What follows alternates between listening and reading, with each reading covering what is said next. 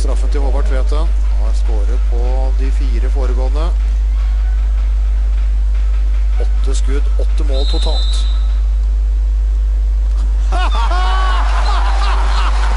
Kvelden er fullkommen! Han har skåret, han har showet, han har vist fram varianter vi ikke trodde var mulig! Herlighet, Håvard Tvete!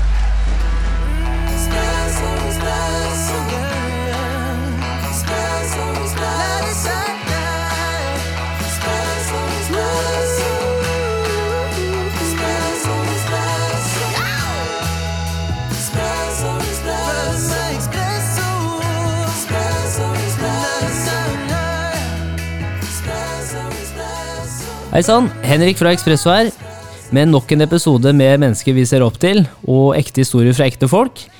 I dag har jeg vært så heldig å få lov til å ta en prat med en person jeg har sett på TV-skjermen over mange år, briljere hvor han hopper inn fra kanten og gjør triksskudd for det norske landslaget og flere av de beste lagene rundt om i verden, nemlig Håvard Tveten. I dag så pratet vi om hvordan det hele begynte, hvordan Håvard som 15-åring faktisk hadde skrevet seg ned et mål om å være på landslaget innen noen få år. Vi snakket om hvordan måte, reisen har vært gjennom håndballkarrieren, hva han har lært i forhold til hvilke lag som presterer på topp, og hvordan får maskineri, maskineriet til å fungere sammen. Vi snakket også om hvordan overgangen fra toppidretten til næringslivet har vært for han, hvordan han har klart å sette mål og ambisjoner i struktur, og selvfølgelig hva han gjør i dag med ledelse og organisasjonsutvikling med konsulentselskapet Storform. Vi snakker selvfølgelig også om Mesternes mester, hvor Håvard kom helt til finalen, hvor han gikk head to head med Aksel Lund Svindal, som var utrolig bra underholdning for det norske folk. Avslutningsvis snakker vi også om det personlige liv, familie, work-life balance, og i 2021 har Håvard satt seg et mål om å tilbringe én natt ute i den friske naturen i måneden, og det er utrolig gøy å høre mer om hans tanker for tiden fremover. Dette er Håvard Tvetten, en legende verdt å høre på.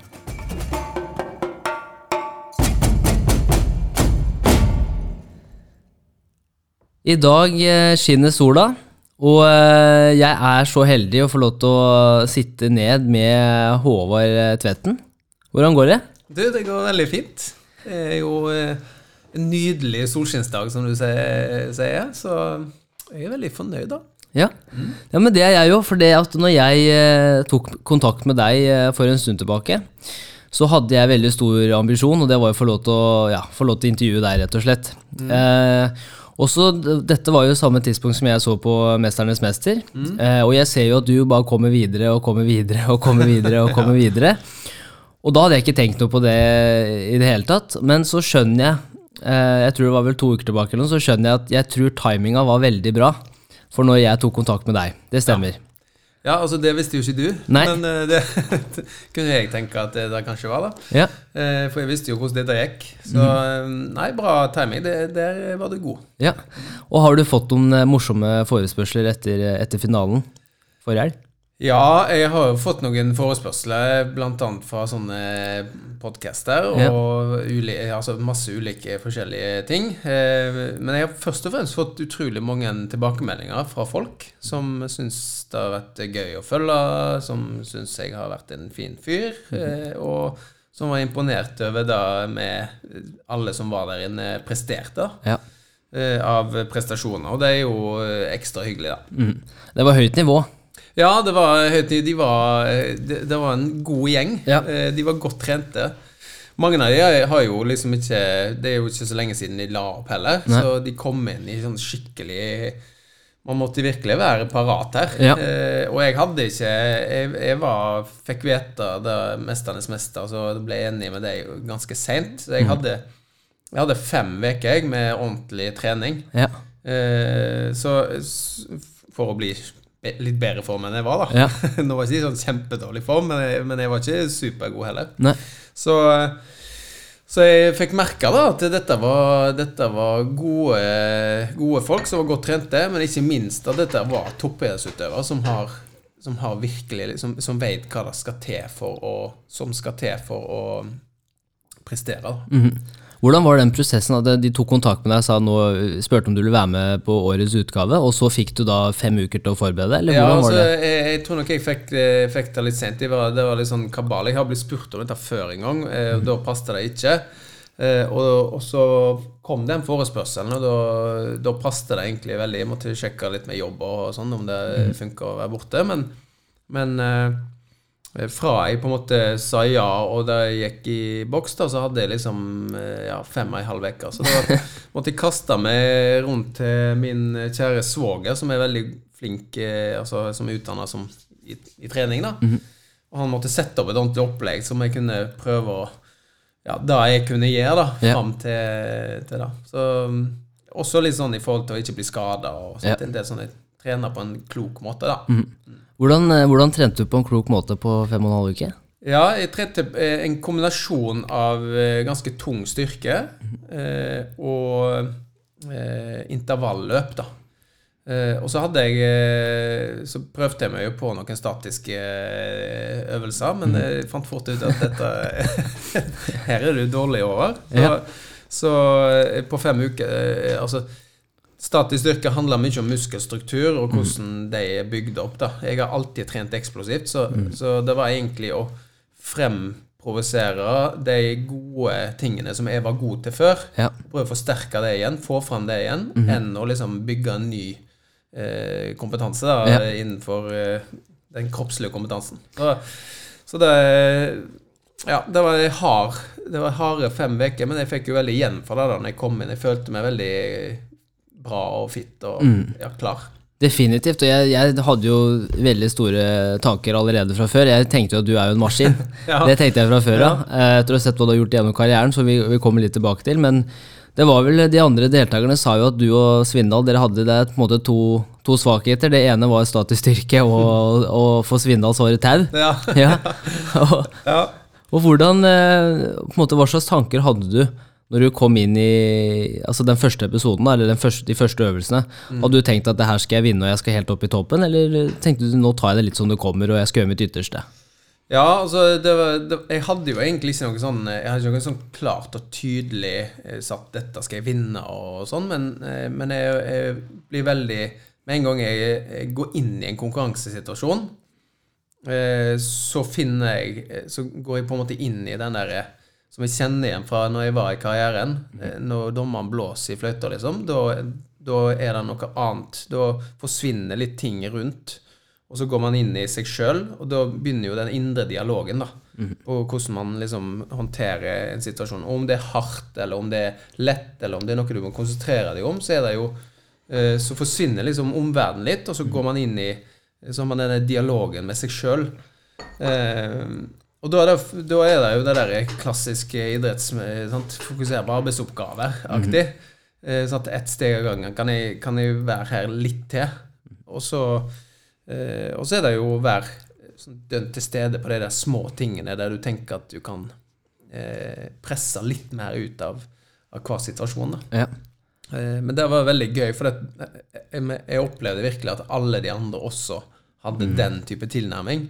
Og det der fikk vi veldig masse gode prater om Ja. rundt middagsbord og mellom øvelser. Og, ja, sånn. så, Hvor- Hvordan var dynamikken etter øvelser? For det, var jo, det virka som det var veldig hyggelige og gode samtaler rundt, rundt bordet Ja. på kveldstid. Og det, det blir jo eh, Altså Idrettsutøvere blir veldig gode til å lykkes og mislykkes. Man blir god til å håndtere begge deler. Eh, Iallfall de fleste, da. Det er mitt inntrykk. Eh, og eh, Så man blir god til å være kompis, eh, venn. Eh, altså til og med altså eh, empatisk og sant? alle disse sånn emosjonelle sant? At man er til stede for et annet menneske og støtter de og sånn. Og så når det, eh, når det blåses i fløyta, eller det er 3, 2, 1, go, så er det liksom bare Da er, da er ingen Da er Nei, ingen da kjører vi på. kompiser, Liksom. Da Nei. kjører vi på. Ja. Og det er veldig sånn Det er veldig lett å si, men det, det er ganske viktig at man har den, den kompetansen da, å kunne gjøre det. Jeg tenker Det er jo eh, overførbart til veldig mange ting i livet. Ja. Så det å ha fokus når, når, når fløyta går, rett og Absolutt. slett. Og også ha evnen til å, selv om det ikke går bra for meg i en øvelse, at, å være en, en eh, lagspiller. Ja, det, altså det skal vi også komme tilbake til, det du gjør i, i dag i næringslivet, og det er også noe jeg har mye erfaring med også. Det, det som jeg tror også man kan lære mye av lagidrett, er jo å heie hverandre opp, selv når det ikke går veien for seg selv. Uh, og det tror jeg veldig mange i næringslivet kan lære litt av, og rett og slett Ja. heie, ønske andre opp og fram, da. Um, men hvem av disse utøverne i Mesternes mester var det som overraska deg mest? Jeg, jeg tenker også at du hadde gjort litt sånn, du hadde gjort opp noen tanker om hvem du skulle møte. eh, og var det noen som du tenker bare Dæven! Rett og slett, her var det, her var det futt. Ja. Eh, Ja, og hvis du tenker overraska, så er det liksom ja, overraska på- i forhold til konkurransene, eller overraska som menneske eller person. Eller sånt. Det er jo veldig mange måter å overraske på. Ja. tenker jeg. Altså, jeg, jeg tenkte jo og visste at disse, disse menneskene her, det, det er folk som har blitt gode av en grunn. Eh, Og de er Altså fysisk eh, så, så syns jeg alle på en måte Du ser at de har et eller annet, da. Og om ikke det er liksom helt oppi i dagen nå, så ser du at de i hvert fall har hatt noe Ja. som, eh, som er veldig spesielt sånn rent fysisk. Men, det, men det, er jo, det er jo de menneskelige kvalitetene jeg på en måte eh, blir mer sånn overraska og, og fascinert over. Ja. Eh, og, og alle Altså sånn eh, damer som, eh, som Linda Medalen, som er, som er, som er hunde... Som jobber med, med narkohunder, liksom, i politiet. Og så råtøff dame med en, med en eh, fascinerende historie, og måten hun har liksom Måten hun angriper ting på, måten hun går inn i en situasjon på. Altså den der, det fokuset og råskapen som hun hadde. eh, utrolig kult da, Ja. og fascinerende. Og, og Magnus, for eksempel, da, som, eh, som mange liksom ikke helt hadde sånn, så godt kjennskap til. Bodde jeg på rommene i, i tre uker, da, Ja. i dob dobbeltseng. Så vi, vi ble jo godt Det kjent. var hyggelig. Ja, veldig hyggelig. Eh, men men eh, altså en atlet da, som, som Ja. egentlig er jo, Han er jo skapt for 'Mesternes mester'. Mm. Han er jo bare eh, et fysisk eh, unikum. Han, Han virka hakka- gjennomtrent. Ja, han er hakka ut i granitt, liksom. Ja, det er jo Det er jo helt Ja, det, for han òg visste jeg ikke så mye om fra før, faktisk. Men, og, og jeg tenker også klatre har utrolig også Koordinasjon er én ting, men styrke i overkroppen. Men han er jo så eksplosiv i beinstyrke nå. Ja, og så eh, ikke bare at han er sånn atletisk og sånn, men han har jo fantastisk utholdenhet Mm. og er rask. Så han, eh, det eneste han ikke kunne, var jo å kaste ball. Ja, det, Hører du det, Magnus? Altså, Du må trelle på ballkastinga. Ja, det tror jeg han, det tror jeg han smertelig ble klar over. Da. Ja. Men, eh, men da er det jo greit for meg at jeg har kasta et par millioner kast i livet. yes. Men hvilke, hvilken øvelse syns du var verst? Av alt du gjorde det, Kanskje det var flere øvelser også, men hva, Ja. hva, hva var mest utfordrende for deg? Om det var psykisk eller fysisk eller den, den, den, eh, den aller hardeste øvelsen vi hadde gjennom eh, 30 øvelser, som det jo er i 'Mesterens mester', det var finaleøvelsen. Ja. Som jeg og Aksel var i på slutten. For den var så utmattende. Altså, en ting var liksom oppspillet til alt. Vi hadde vært igjennom tre, ja, 29 øvelser da, Ja. fram til da, pluss at eh, det var litt sånn eh, brainy-øvelser i starten der man skulle liksom eh, Ja, litt tau da for Aksel, stakkar, som, Ja. som knota ut med det. Men, eh, men også var det den derre Den ballen eh, Ja. med 80 liter, altså 80 kilo Ja, tung ball som skulle over disse hindrene. Eh, og det, det var egentlig bare sånne finéplater de hadde laga oppå, og så var det bare masse sand oppå. Så den ble jo så glatt i tillegg. Så uh, jeg kjente bare Altså meg og Aksel det, det, De har klippa ganske mye bort da Ja. fra, fra den øvelsen der. Så vi var over ganske mange flere ganger enn det ble vist på TV, og, Ja. og vi ble så Altså, jeg ble sånn kun sånn, helt sånn på, på, på læret, liksom. Ja. Altså, jeg var så sliten. At det, var litt sånn nesten eh, Ikke si det, da, men nesten sånn at vi håpte at liksom en av oss bare skulle Ja. treffe snart. For det sånn, vi kan, kan vi ikke bare bli ferdig med dette her? Ja, for Det så så tungt ut. Og den, Ja. altså på, som du sier, da, det var jo altså på silke det var jo så glatt så det ut som, og Ja. 80 kilo også. Ja, og så Eh, skulle jeg ned og grave sand? Det, og da var jo armene mine pumpa for eh, ja. Så man var, det var eh, men Da var jeg altså virkelig sliten. Og så var det jo Men det var jo samtidig en veldig Det var jo en veldig gøy øvelse. Sant? Det var en, en kompleks og sant? Man fikk liksom virkelig brukt allsidigheten. Og egentlig veldig bra at det ikke var kasting på slutten der, sant? Ja. så ville det vært veldig fordel meg. da Ja. At det var en, en øvelse som, som var liksom likt for begge to, Ja. Så, så det var Jeg trodde det var den hardeste. Ja. Nei, men det, det skjønner jeg. Og så var det jo Jeg så jo også når du tok forspranget øh, på starten der, og så Man blir jo sliten, kan jeg tenke meg, når du skal dytte en ball nå fram og tilbake. Ja, ja. Men så syns jeg du overraska igjen, for da du kom jo tilbake igjen også på slutten der. ja da. Så Ja. Og det var jo jevnt. Altså, jeg gikk litt ifra i starten. Og så kom Aksel og tok meg igjen på graving og sånn. Jeg Ja. satt jo fast i nedi i hølet der.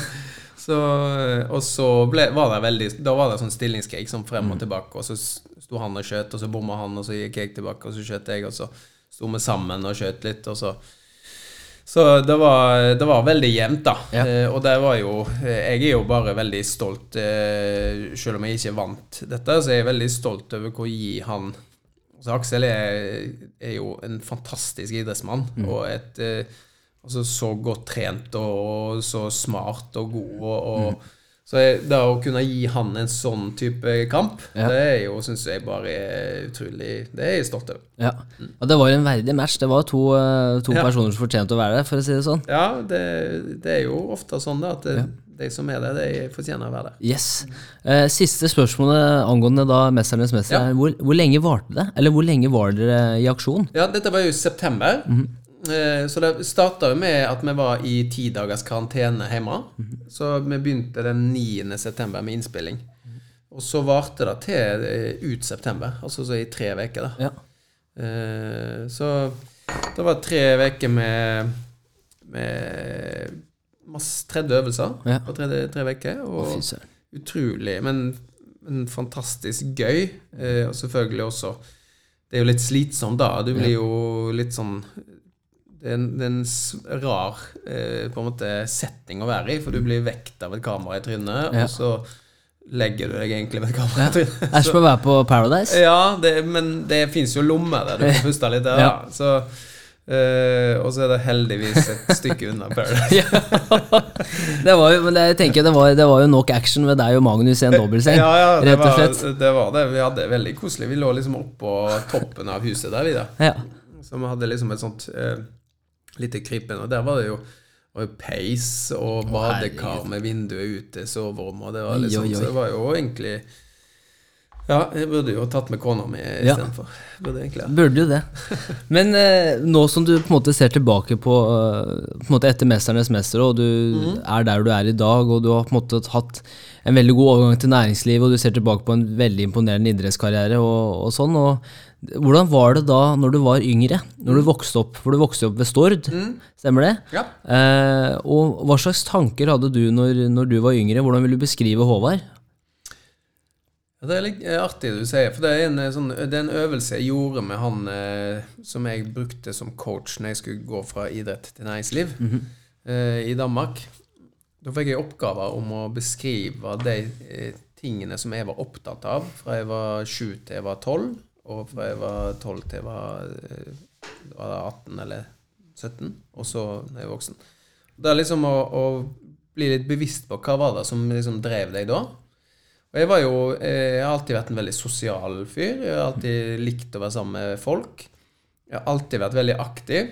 Så, eh, men jeg har alltid vært veldig sjøldreven i, i å og hatt indre motivasjon for det jeg har drevet med. da, altså Dratt på trening og vært veldig sånn Jeg var veldig opptatt av idrett og, og prøve nye ting. Og, eh, og spesielt fotball da, var egentlig det jeg drev med mest, sant, som de fleste andre. Og, eh, og etter hvert håndball. Så jeg var, jeg var nok veldig sånn eh, eh, Jeg var veldig ikke sånn veldig målbevisst akkurat når jeg var veldig ung, altså før jeg ble sånn 13-14. Men, eh, men da var det mer sånn dri driving av sport som alle andre barn. da, Og så når jeg ble sånn 13-14, så, så ble jeg mye mer sånn Dette skal jeg. Det er den veien jeg skal gå. Og jeg har jo også sånn, jeg har sånn måldokument som jeg skrev når jeg var 15 eller sånn, der det står liksom på nynorsk da 'Jeg skal på landslaget'. Ja. Står det liksom det er hovedmålet. Og så er det sånne delmål under, da. Så ja. komme med på kretslaget og så bli junior og ja. Ja. Så det er jo litt sånn eh, fascinerende å se tilbake. Men Det er rått. men jeg var sånn Jeg var nok ikke sånn eh, Jeg var ikke den beste på skolen. Jeg var heller ikke den beste i idretten min heller. Altså I håndball jeg var ikke den aller beste når jeg var sånn 13-14-15. eh, men jeg var best til å trene. Ja. Jeg var, jeg var skikkelig god til å trene. Og så var jeg veldig nysgjerrig på hvordan jeg kunne bli bedre på de små tingene. Og jeg, jeg, jeg, heldigvis da så hadde jeg evnen da til å, til å spørre mange rundt meg. Hva tenker du at jeg bør trene på? Hvordan kan jeg lære meg det? Ja. Eh, skulle bli bedre i Jeg skulle bli hurtigere. For det jeg gjorde når jeg gjorde en sånn kartlegging, så, så kunne jeg utvikle hurtigheten min, da, de første stegene, f.eks. Mm. Da, da tok jeg kontakt med en friidrettstrener, og så fikk jeg trene litt med friidrettsgjengen litt, og Ja. som stegle- steglengden litt. Da. Ja. Så du tok rett og slett eh, Du tok planen i egne hender? Ja, jeg gjorde egentlig det. Samtidig så hadde jeg veldig mange gode trenere, da. Og mange som støtta meg, og som var tett på, og som, som eh, Det er jo det som, som er med å motivere, da, når du har folk rundt deg som gir deg tilbakemeldinger, som støtter deg, og som tror på deg, og som er der. Så, så Men eh, ja. Ja. Nei, men Det er veldig, veldig fascinerende, for det var eh, Jeg spilte inn en episode for eh, noen måneder tilbake med eh, administrerende direktør i, i Solon Eiendom, eh, Andreas Martinussen. Eh, og han snakket akkurat om det du snakker om der, det med å sette mål og ambisjoner i struktur. Eh, og han mener at når han spør sine kollegaer og ansatte og sånn, og på en måte hva er planen din, og de sier ja, dette er planen min, så bare har du skrevet det ned? Hvor er planen? Så har de fleste har jo ikke det. Eh, så det at du gjorde det så tidlig, og på en måte skrev en, skrev en, en plan, da, en oversikt over hva du egentlig hadde lyst til å få til, og du fikk det jo til òg, det er jo helt, helt rått. Og, Men var det noen som Hadde du noen forbilder som på en måte viste deg hvorfor dette er viktig, og hvorfor det er viktig å sette mål i, i struktur og sånn? Ja, jeg hadde, og jeg hadde jo noen sånne eh, sportslige forbilder. Så Simen Muffetangen og sånn som var veldig sånn var en, var en utrolig god håndballspiller, da. Eh, men, jeg, men jeg lærte nok ikke det der av noen. Det var jo også litt sånn På, på den tida så, var- så begynte jo litt den derre Ok, hva er en målsetning, og sant? Hvordan strukturerer man opp dette? Hvordan jobber man mot det? Fra at det var liksom løs lek, til at ok, men hvis jeg skal, hvis jeg skal bli god i dette, så må jeg sette meg noen konkrete mål for det. Og så er det også, også, line opp hvordan den veien skal gå, da. Og så lage en, det man kaller for en strategi for å nå et mål. Ja. Sant? Og det er jo et eh, det, det kommer veldig sånn tidlig inn i et, i et eh, ja, Hvis man skal si en ungdom, da. Det er jo tidlig å starte den prosessen, men det er samtidig det er utrolig effektivt. For da Ja. vet man hva man skal, og da, da gjør det jo at du, du står litt lenger igjen på trening. Man går i ekstra tid eh, ekstra gang i, i styrkebua, eller Ja. man tar en ekstra løpetur, eller man gjør de tingene som gjør at de blir litt bedre enn de andre. Ja.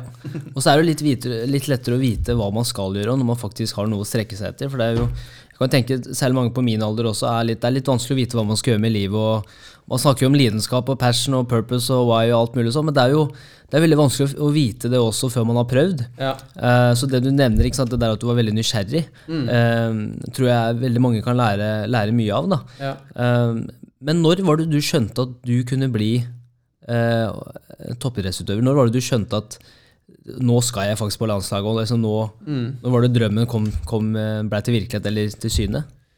Ja, det er, det er nok eh, jeg, jeg tror nok ikke det der Jeg, tror nok ikke jeg hadde noe sånn der typ ti hvor det skjedde.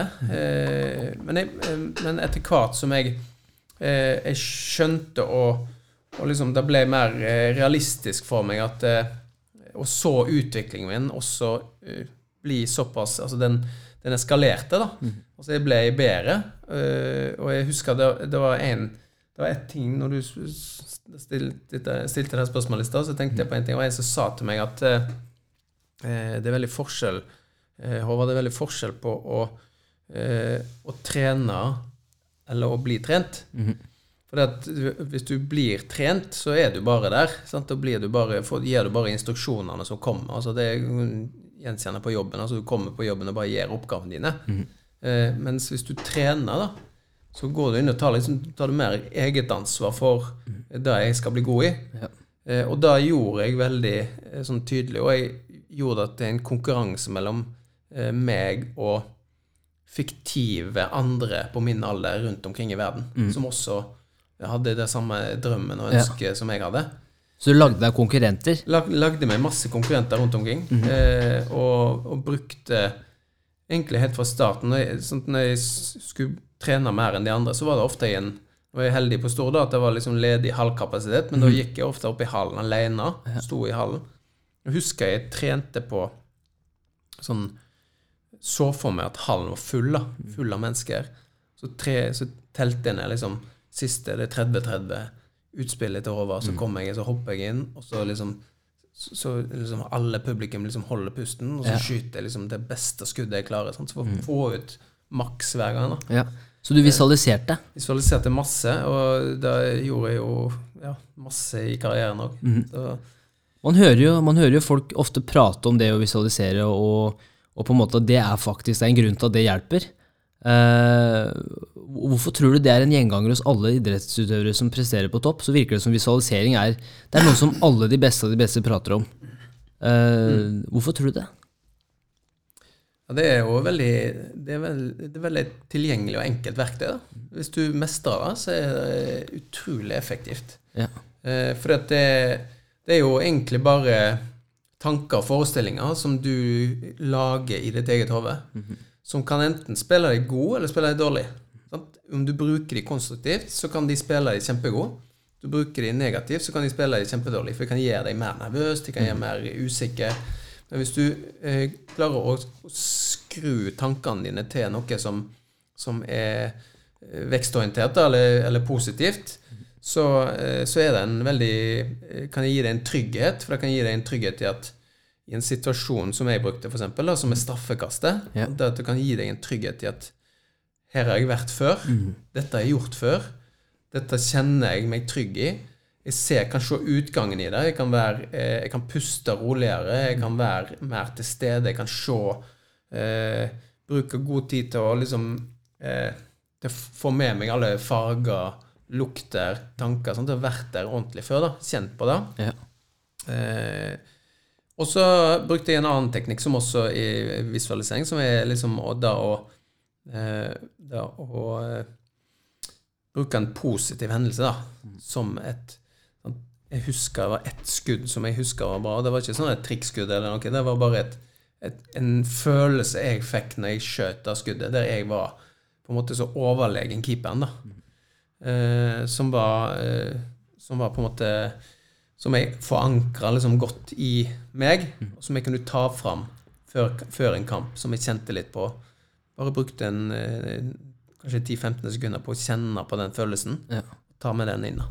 Helt rått. Og det er jo, det er jo en veldig effektiv måte i, i alle fasetter av livet du skal inn i. Noe som du opplever som, som et, altså det å holde et foredrag, da, eller det å holde en tale eller en presentasjon for ei ledergruppe, eller, eller? Det, det, er jo, det er jo skummelt fordi at du tenker Altså tankene dine gjør at det er skummelt. Det å altså gå frem til en talerstol er jo ikke skummelt. Nei. Så det å gå mot ei løve, liksom, er ikke skummelt. Det er jo tanken på at konsekvensen Ja. for hva som kan skje, som er skummelt.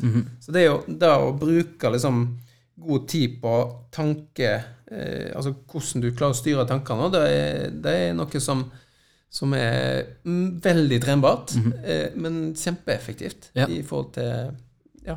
Som jeg bruker også masse nå da, Ja. i livet mitt. Ja, for det er, jo, det er jo det med å skape trygghet. Du, akkurat du sa det, og da tenkte jeg på det. Så, sånn har det vært for meg nå. Hvis jeg har, hvis jeg har salgsmøter, eller hvis jeg har møte med Eller eksempel nå, da. Nå har jeg et intervju med en person jeg ser veldig mye opp til. Så er det jo Altså, det er veldig fort gjort å, å choke, som du sier. At du blir redd for at, at altså, Herregud, nå sitter jeg her med en person jeg har fulgt i så mange år. Men da, det jeg faktisk har gjort før det intervjuet, er at da har jeg prøvd å sette for meg sant, hva slags spørsmål skal jeg stille. Uh, hvordan kan jeg spille Håvard god? Hvordan kan jeg sørge for at det er flyt i samtalen osv. Og det virker som det funker. Ja, det funker som bare juling. Altså, du er kjempeflink, og det er jo eh, så Det å være forberedt er jo sant, en god Som, som du Ja. eh, beskriver at du er nå, sant, det er en veldig god ting å ha med seg inn. Mhm. Men også da å, å tenke igjennom hvordan blir dette, og, Ja. og hva kan jeg ha fokus på, hva er det jeg er god til? Yep. Bruker det. Yes. Sånn, eh, så jeg syns du er god, altså. Fett.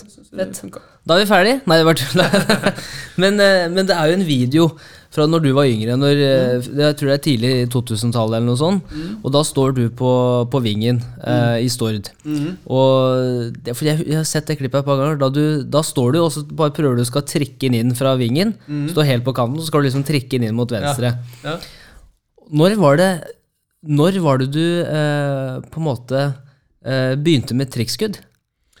Oi, ja. Det, det tror jeg jeg begynte med veldig tidlig. Ja. Så alt, alle sånne teknikkting eh, har jeg alltid vært fascinert over. Fa- Fascinert over detaljene i ting, da. Også det der eh, eh, Det der med å mest, prøve å mestre sånne litt halvumulige ting. Prøve seg på det. Ja. Ikke liksom tenke at nei, det er umulig. Nei. Men prøve seg på, på det. Se hvor det kan ta meg hen. Og kanskje det får en annen utvei enn det Ja. eh, det blir ikke copy-paste på at noen andre har gjort det noen andre har gjort, men kanskje finne min egen vei. Så, Ja. eh, og jeg tror nok at eh, der har nok eh, Det har alltid fascinert meg å prøve å være litt innovativ da, på ulike skudd, skuddtyper. Eh, husker, husker ikke hvem som sa det. Det var en eller annen landslagsspiller som sa det på en eller annen sånn eh, håndballskole vi hadde på Stord.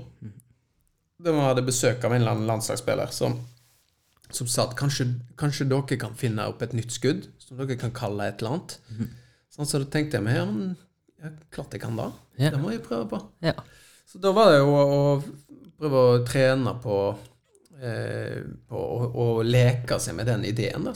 Være liksom fri i tanken. Så hvordan kan jeg få keeperen til å eh, ta ned armene eh, på et eller annet vis, og så allikevel klarer jeg å få ballen opp, så det ser ut som jeg skal skyte ned, men så skyter jeg også. Altså en eller annen sånn tanke på hvordan jeg kan spille det der spillet der.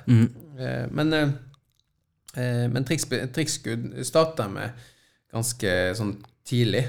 Trena på det. Og da husker jeg lagde en sånn eh, Det var en trener som, som trente damelaget, som het Ketil Arntzen, som, eh, som også var litt sånn involvert i damelandslaget på et tidspunkt.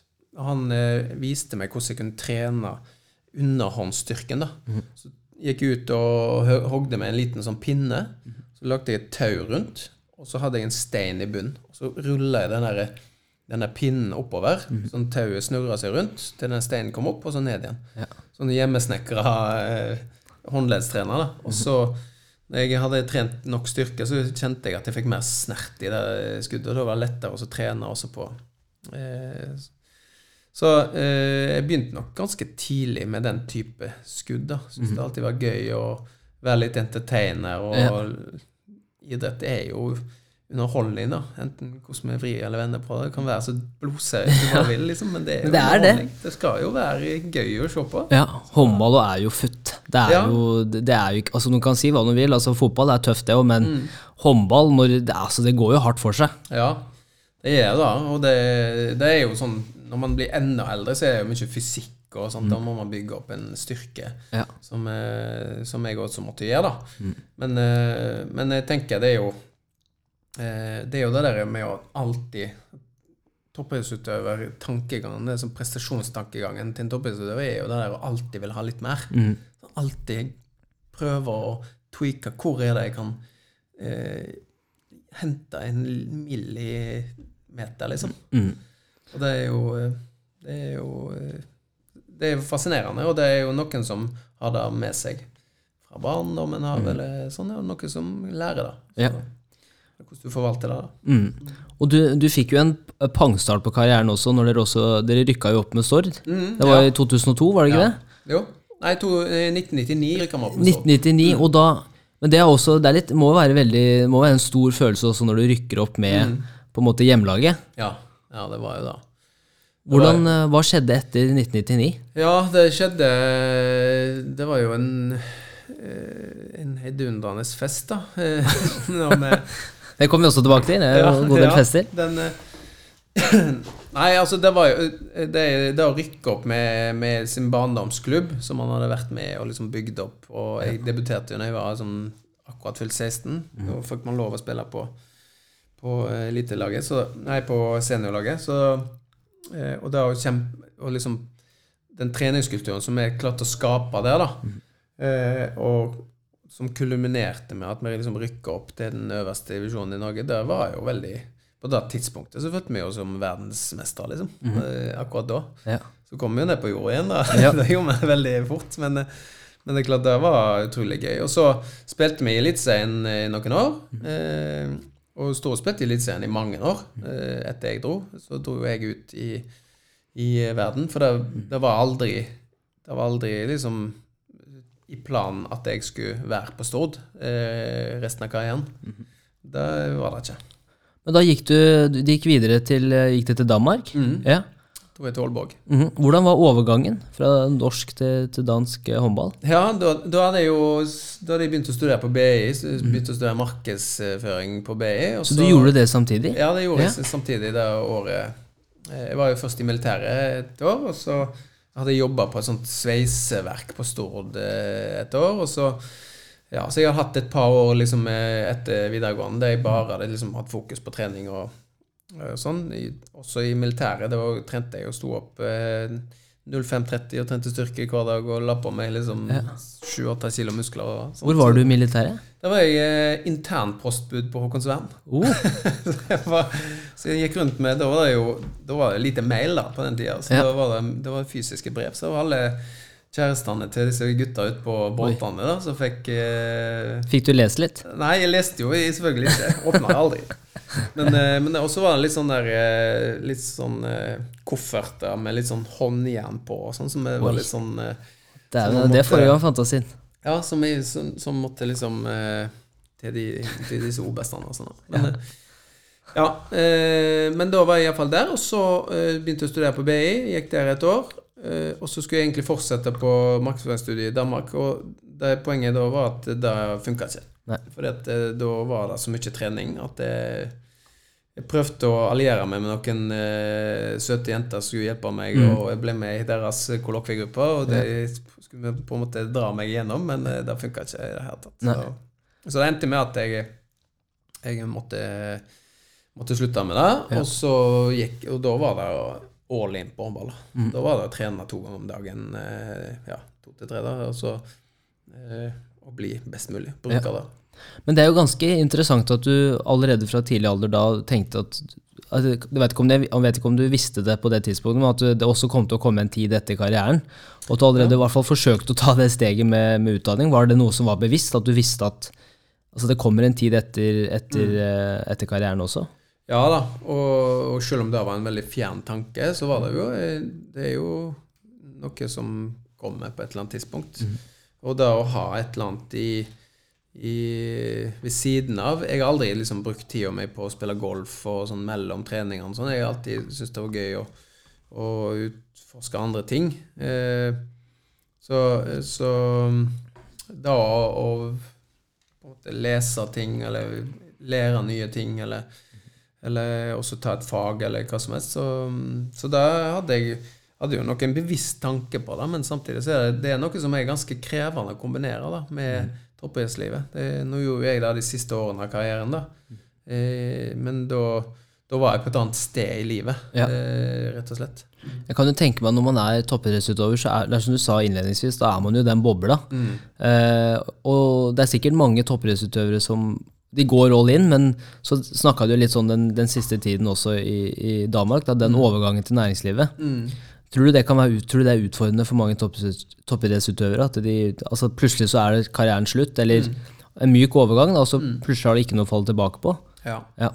Det tror jeg eh, virkelig. Og jeg, og jeg tror nok veldig mange idrettsutøvere Det er jo noen som er uheldige og får en karrierestopp som, som er ufrivillig, som ikke er planlagt. Og da, eh, da å liksom plutselig ikke være i fokus, ikke ha liksom 5-10-15 diskuere som ser deg eh, tre ganger i uka, og TV og media og folk som skal ha autografen din, sant? Du, plutselig så er du borte.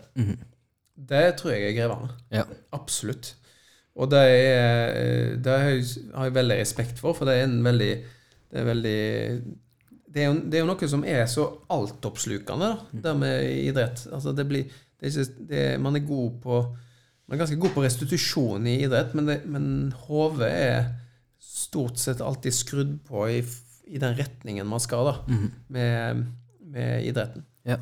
Og enten du er individuell eller lagspiller, så er det liksom eh, Det handler jo om å optimalisere hele tida. Ja. Så, så eh, ja, til spørsmålet ditt, det tror jeg er veldig vanlig. Og, eh, og jeg var jo eh, på en måte heldig og smart nok til å bruke en, en litt hjelp da, til den overgangen. For å liksom For å gi den overgangen smoothere da, for min egen del. Og være litt forberedt på akkurat det tomrommet som kunne eller kan oppstå. Ja. Gjennom karrieren, hvordan, hvordan var det du slappet av eller ladet batteriene mentalt? Ikke bare fysisk, men også Det var kanskje ikke golf, men var det noen andre måter du, du kobla på? Ja, jeg, eh, leste, så film, gikk turer, var ute i Så når jeg spilte i Spania, så var jeg jo veldig Så var jeg jo masse ute. Altså møtte folk og var liksom i gatene og prøvde å liksom være Leve et tilnærma normalt gøy liv, da. eh, være med venner, og så møte nye folk. Så alle de tingene som som er en del av det å være et menneske på denne jord. Altså ta Suge inn inntrykkene av verden. Ja. Eh, prøve nye restauranter. Eh, altså se nye ting. Dra på museum, dra på alt mulig. Så vi- jeg, jeg er veldig sånn eh, Jeg er veldig glad for at jeg har fått eh, ja, jeg så jo ikke siesta da, som resten av Spania gjorde. Men eh, da, da var jeg heller ute og, Ja. på, og gikk turer. Etter hvert som jeg fikk barn, så var jo da det, var det jo det jeg var med. Ja.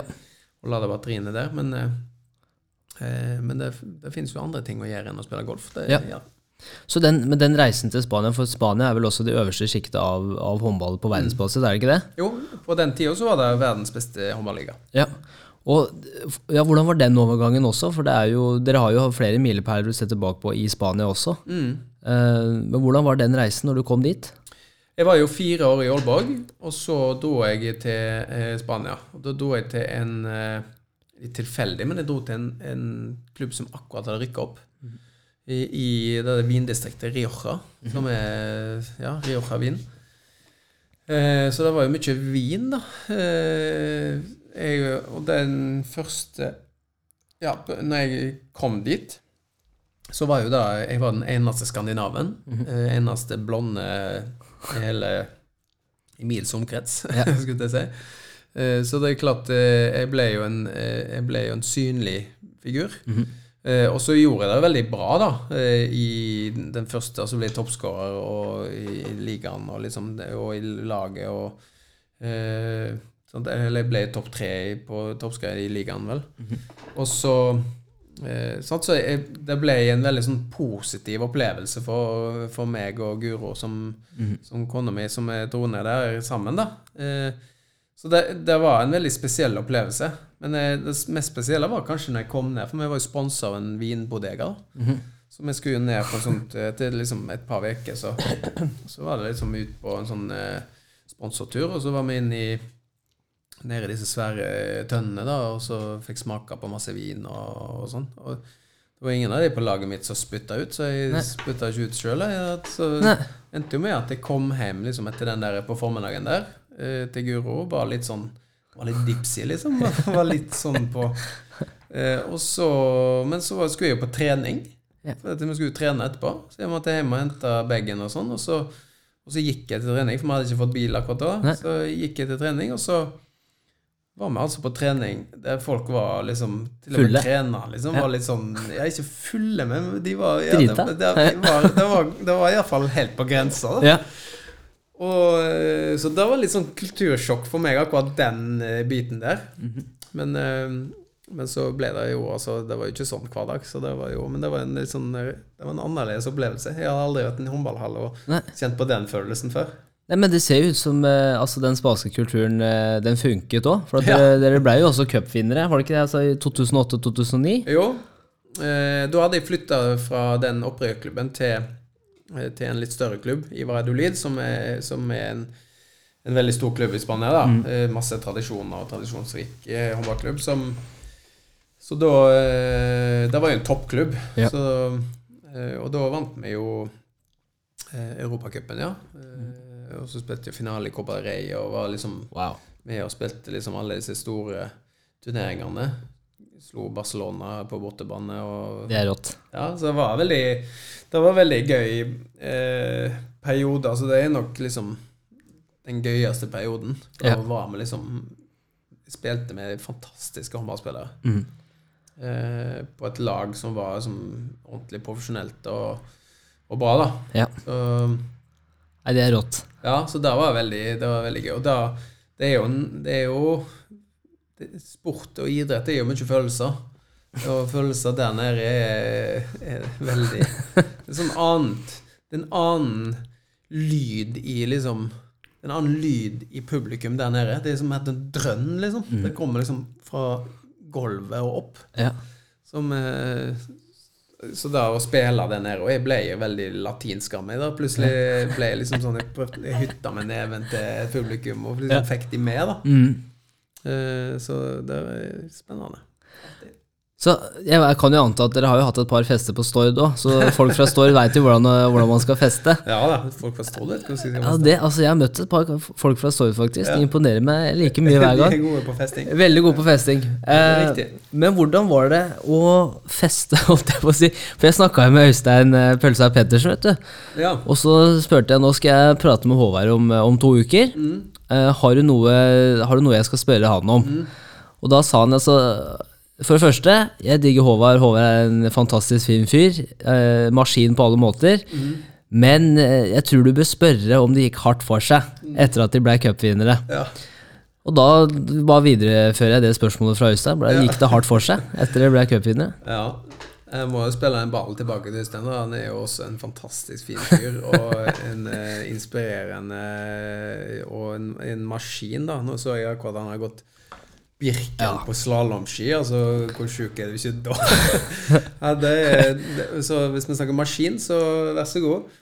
Men eh, eh, Og det er jo gøy, da, når du forteller om sånne fester som det der, til sånne eh, langrennsutøvere som, som spiser knekkebrød og, og drikker kanskje brus en gang i måneden. Ja. Nei da, de er jo ikke det. Men, eh, men han ble veldig fascinert over den festen der. For det, det, hele byen der, den snudde på hodet. Altså, det var en fest i fem dager. Eh, der, der vi kjørte i åpen buss rundt i byen, og der hele byen var liksom, hadde gule drakter. da. Eh, og ja, alt var gult. Og den samme kvelden som jeg vant, da, så var det jo ned til byen og ned på en sånn stor plaza. Der det var en fontene, og der sto vi liksom i fontenen, og vi dansa og vi hoppet, og det var vann. Og så stage diva vi ut og bare lå og Ja. Så det var Det var Ja, og så var vi jo Kom jo på liksom dagen etterpå, så var det jo oppmøte klokka 11 utenfor katedralen. Så var jeg inn i katedralen, fullsatt katedral. Så står han der eh, biskopen der, liksom, og tar imot oss. Og korser hver og en av oss når vi kommer inn. Og så tar han liksom pokalen som vi har vunnet, da. Ja.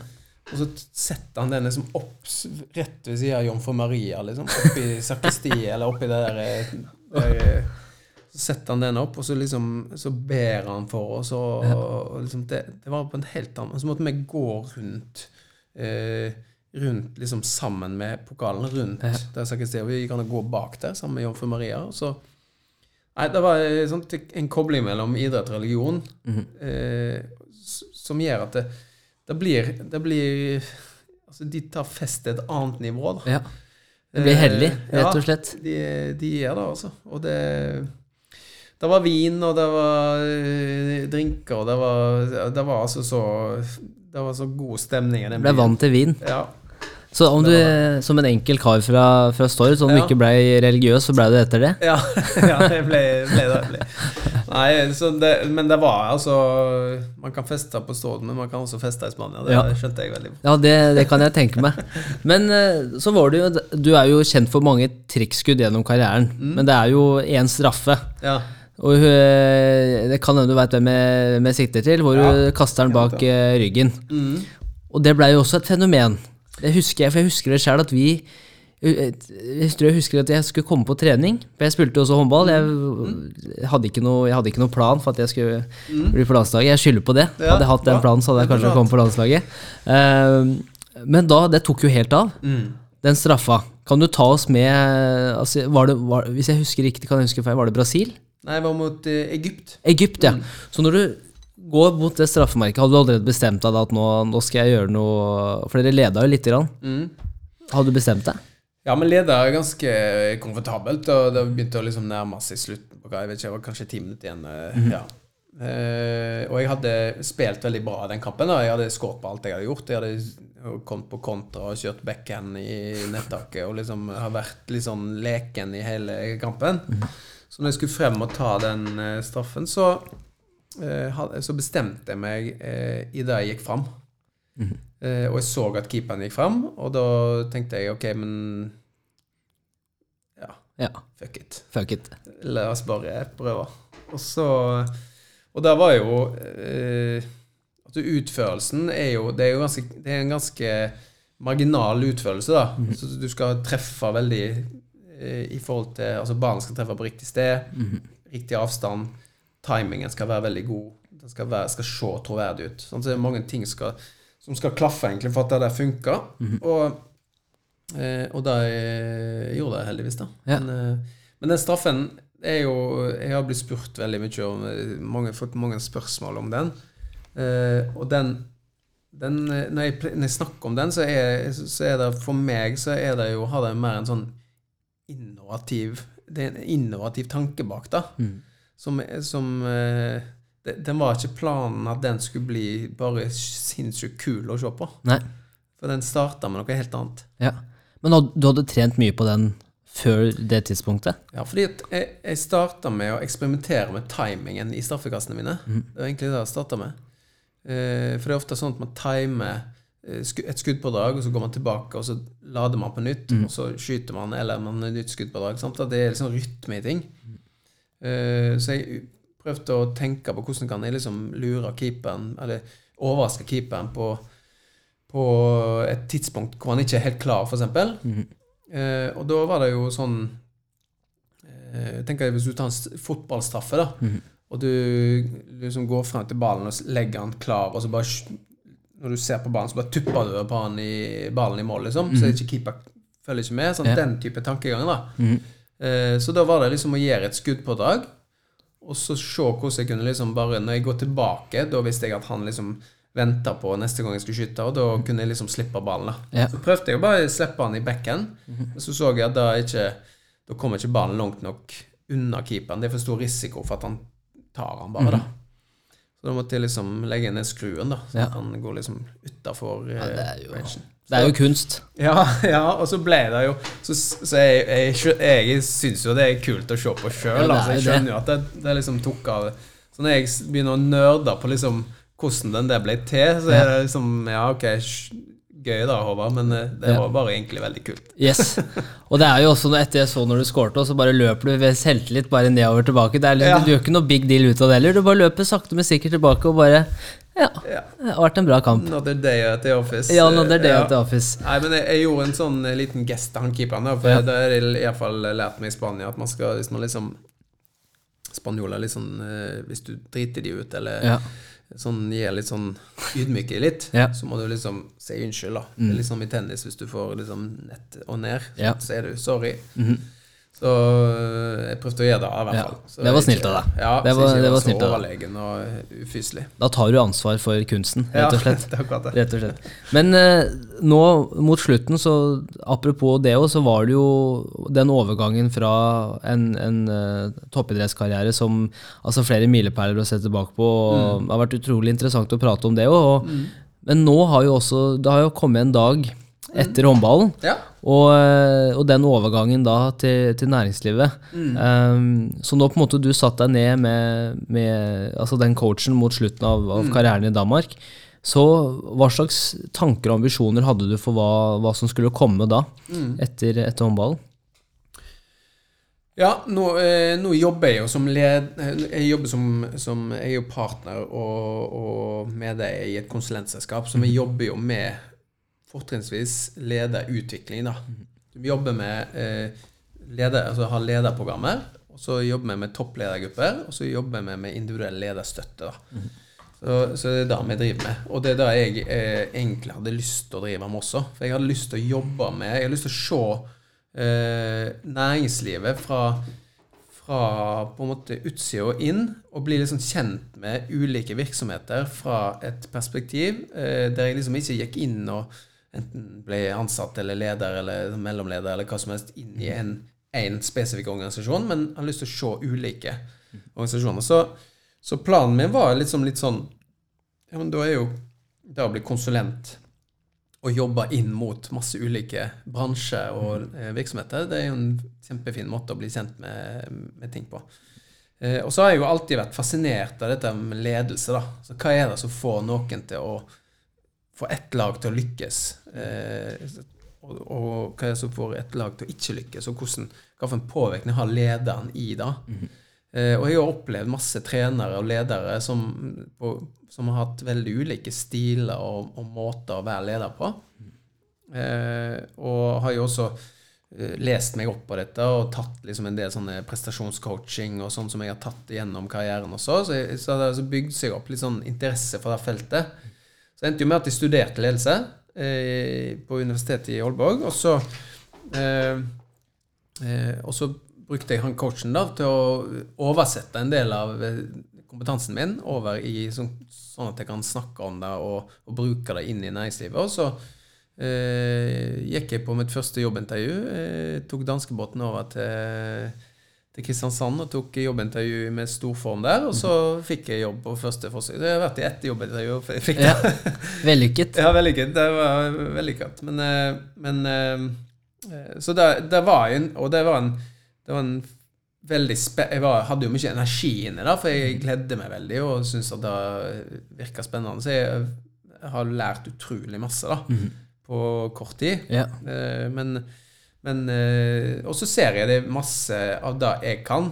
Jeg hadde veldig fokus, kanskje for mye fokus i starten på å vise at jeg hadde en annen tyngde enn bare en idrettsutøver som kommer her og skal fortelle hvordan næringslivet skal gjøre. Altså, altså at det er mye fokus på, på den der eh, den, tilnærmingen jeg hadde fra utdanningen min, og sånt, at jeg kunne mye om, om fag ledelse. Men, men eh, jeg ser jo mer og mer at, jeg, at det er jo erfaringen min fra idretten som er det er jo den som er gull verdt.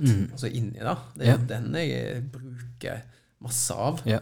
Eh, og det er den jeg tenker eh, man kan spille Altså både næringsliv kan lære av idretten. Ja, det er jo det vet man. Det er mange som, i, som har sagt det før meg. Eh, og så tror jeg idretten kan lære mye om næringsliv. Andre Ja. veien, altså. Men det, for det er ganske interessant, og jeg er helt enig med deg. Og, og jeg tror mye av grunnen til det er at du har, altså Ta et eksempel fra idretten. hvis du Særlig lagidrett. Så ser du det har vært flere ganger hvor du har la oss si, en, en full stall av bare A-lagsspillere. De beste av de beste. Men fortsatt, når de skal spille sammen, så fungerer ikke maskineriet.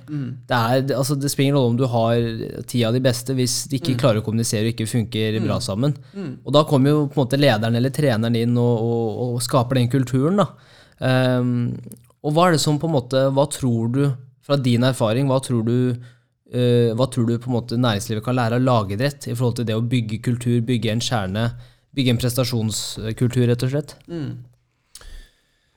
Ja, det er jo hele, hele premisset for, eh, for toppidrett og idrett. eh, Det er jo på en måte å, eh, å hele tiden forbedre seg, da. Sånn som det jeg, jeg jobber med nå, det er egentlig å prøve å, å, for få virksomheter, ledergrupper eller, eller ledere og, og organisasjoner til å, til å skape en eller annen form for sånn lærende kultur. Da.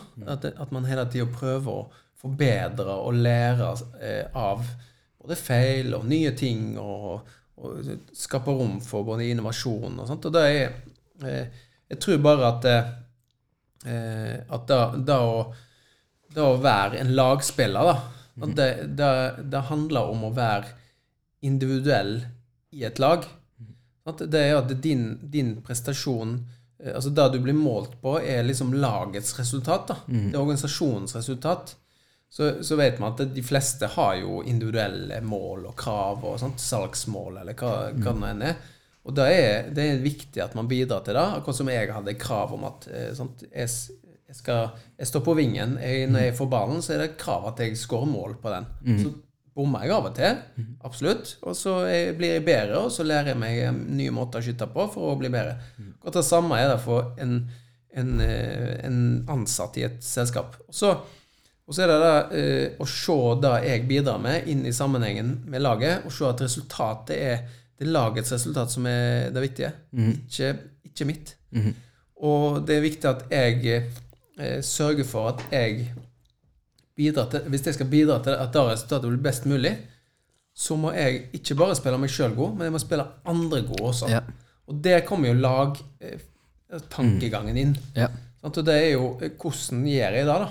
Hvordan spiller jeg andre gode? Hvordan eh, legger jeg som leder til rette for at de under meg spiller hverandre gode? Ja. Hvordan spiller de meg gode, og jeg deg god? Sant? Det, da er vi plutselig i den eh, relasjonelle delen. da. Ja. Og hele formålet med lagbygging er jo å fremme samhandling. Sant? Teambuilding, enten man drar på bowling eller man gjør mer konkrete, eh, litt mer nyttige teambuilding-øvelser, altså teambyggingsøvelser, det er jo for at vi skal bli bedre sammen. Det er ikke for det at vi skal bli fulle sammen, eller? Det, det handler jo om å bli bedre, og s- få det til å spille sammen. Ja.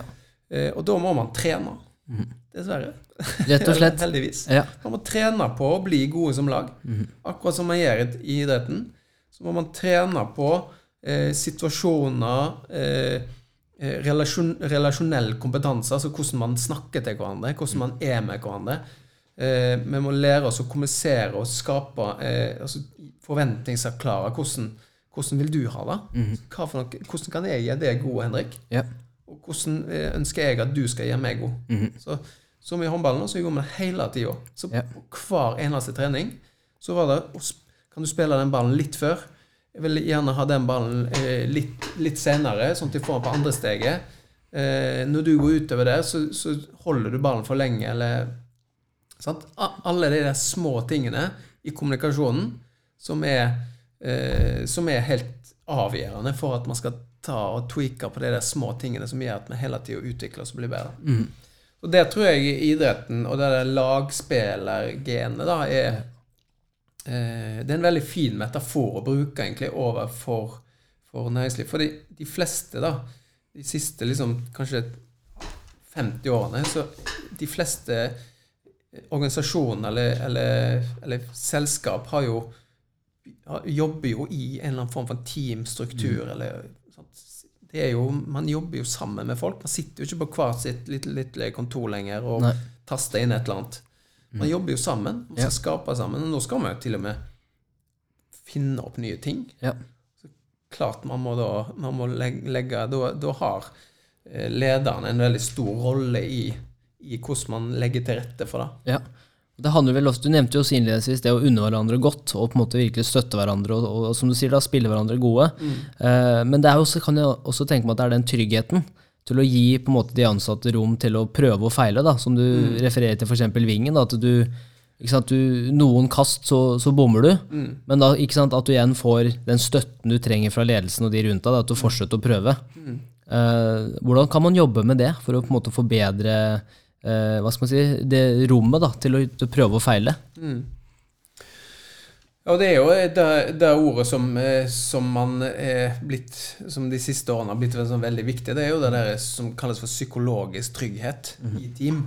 Og som man har gjennom Google-studiene og sånt, som- man har kommet fram til er en veldig viktig del av, av de teamene og, og lagene som presterer godt.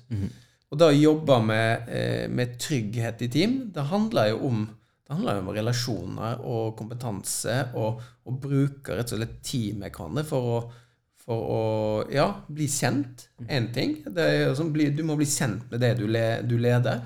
Du må vite hvem de er, hvordan de er. hvordan de eh, jo, jo lettere, Det er jo lettere for meg å, å, å spille det god hvis jeg vet hva du eh, liker, og hvordan du liker å ha det, og hva du blir motivert av. hva du eh, hvordan du på en måte spiller eh, eh, Ja, altså hva jeg kan gjøre for at du blir, eh, blir god, da. Eh, og, så, og er det jo å, å sørge for at det, at det er en, en kultur der, der tilbakemeldinger og feedback er liksom trygt. da, og da, må det, da er vi inne på ikke bare kommunikasjon, men det som altså intensjon. Altså intensjonen bak det du sier. Altså, hva er Hvorfor eh, gir jeg deg en tilbakemelding nå, Henrik? Er det fordi at jeg ønsker å ta deg, eller er det mitt behov for å, for å liksom, sette deg på plass, eller handler det om at jeg ønsker å gjøre deg bedre? Sant? Og den kulturen der eh, er veldig sånn Den er ganske rå i idretten, da.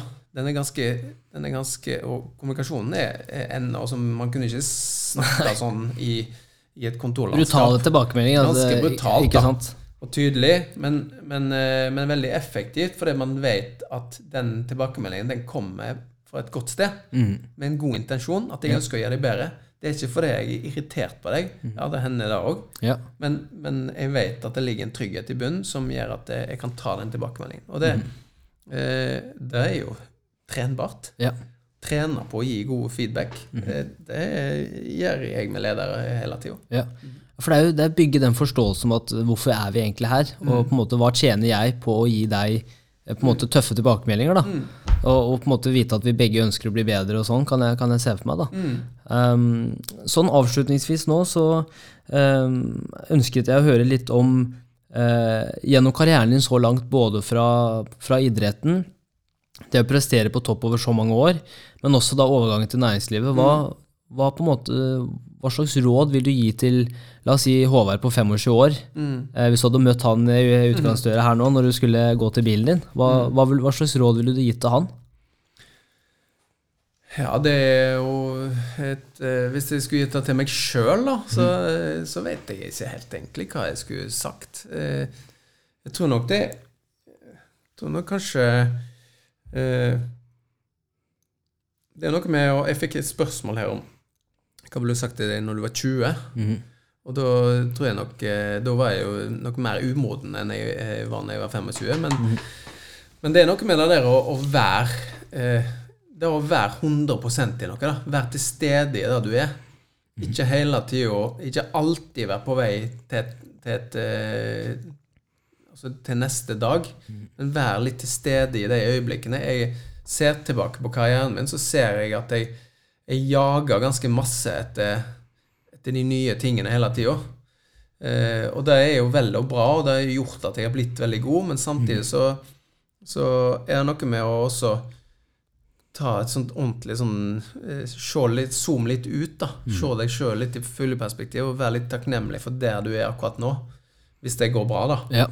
Sant? Eh, Så, så det å være litt til stede i, i For det er 25 år Være 25 år, da, da er du bare ett år Ja. i livet. Så Det er å- da det i hver 25 år, da. Ja. Eh, og så eh, så tror jeg nok eh, det der med utdanning Jeg tok utdanning sent i livet. Det går så fint. Mhm. Det funka, det òg. Det tror jeg mange, mange yngre blir glad for å høre. Ja. For det, det å på en måte hoppe litt ut av det hamsterhjulet, da, ikke bare gjøre hva samfunnet forventer av deg, eller hva som er de gitte rammene, da, rett og slett. Ja, og så tror jeg bare det er, det er viktig. Altså, idrettsutøvere, som jeg sa her tidligere, så, så idrettsutøvere er gode til å restituere. Eh, og der eh, Restitusjon kan være mye. Det kan være mye å finne ut hva det er for deg, og bruk tid på det du får energi av. Hvis det er å, å lære deg et nytt språk, eller lære deg en ny, eh, altså, en ny kompetanse, da, det, så gjør det. Men, men, eh, men bruk liksom Vær til stede i ditt eget liv. Ja. Det er, tror jeg er et, eh, et råd jeg vil gi også til meg sjøl. Ja, det, det er supert, og jeg vet jo at apropos det å være til stede i eget liv, så du har jo begynt med en ny, mye challenge nå. at du skal, Var det ikke én gang i måneden så skal du ut og sove i Ja. skauen? Skal ut og sove i skauen. Ja. Hva, hva og hvorfor? Ja, hva, og hvorfor? Ja, det, det var egentlig litt sånn eh, jeg, jeg har et Jeg har en eh, Jeg har jo et sånt ikke nyttårsforsett, men et sånt mål hvert år. Jeg skal prøve å lære meg noe nytt hvert år. da Lære meg nye ting. Eh, for, å- fordi at jeg syns det er gøy, rett og slett. Eh, og så kommer egentlig dette opp. Jeg må prøve å gjøre et eller annet eh, som tar meg litt ut av liksom, hverdagen. Gjør noe annet. Og jeg elsker jo å være på tur.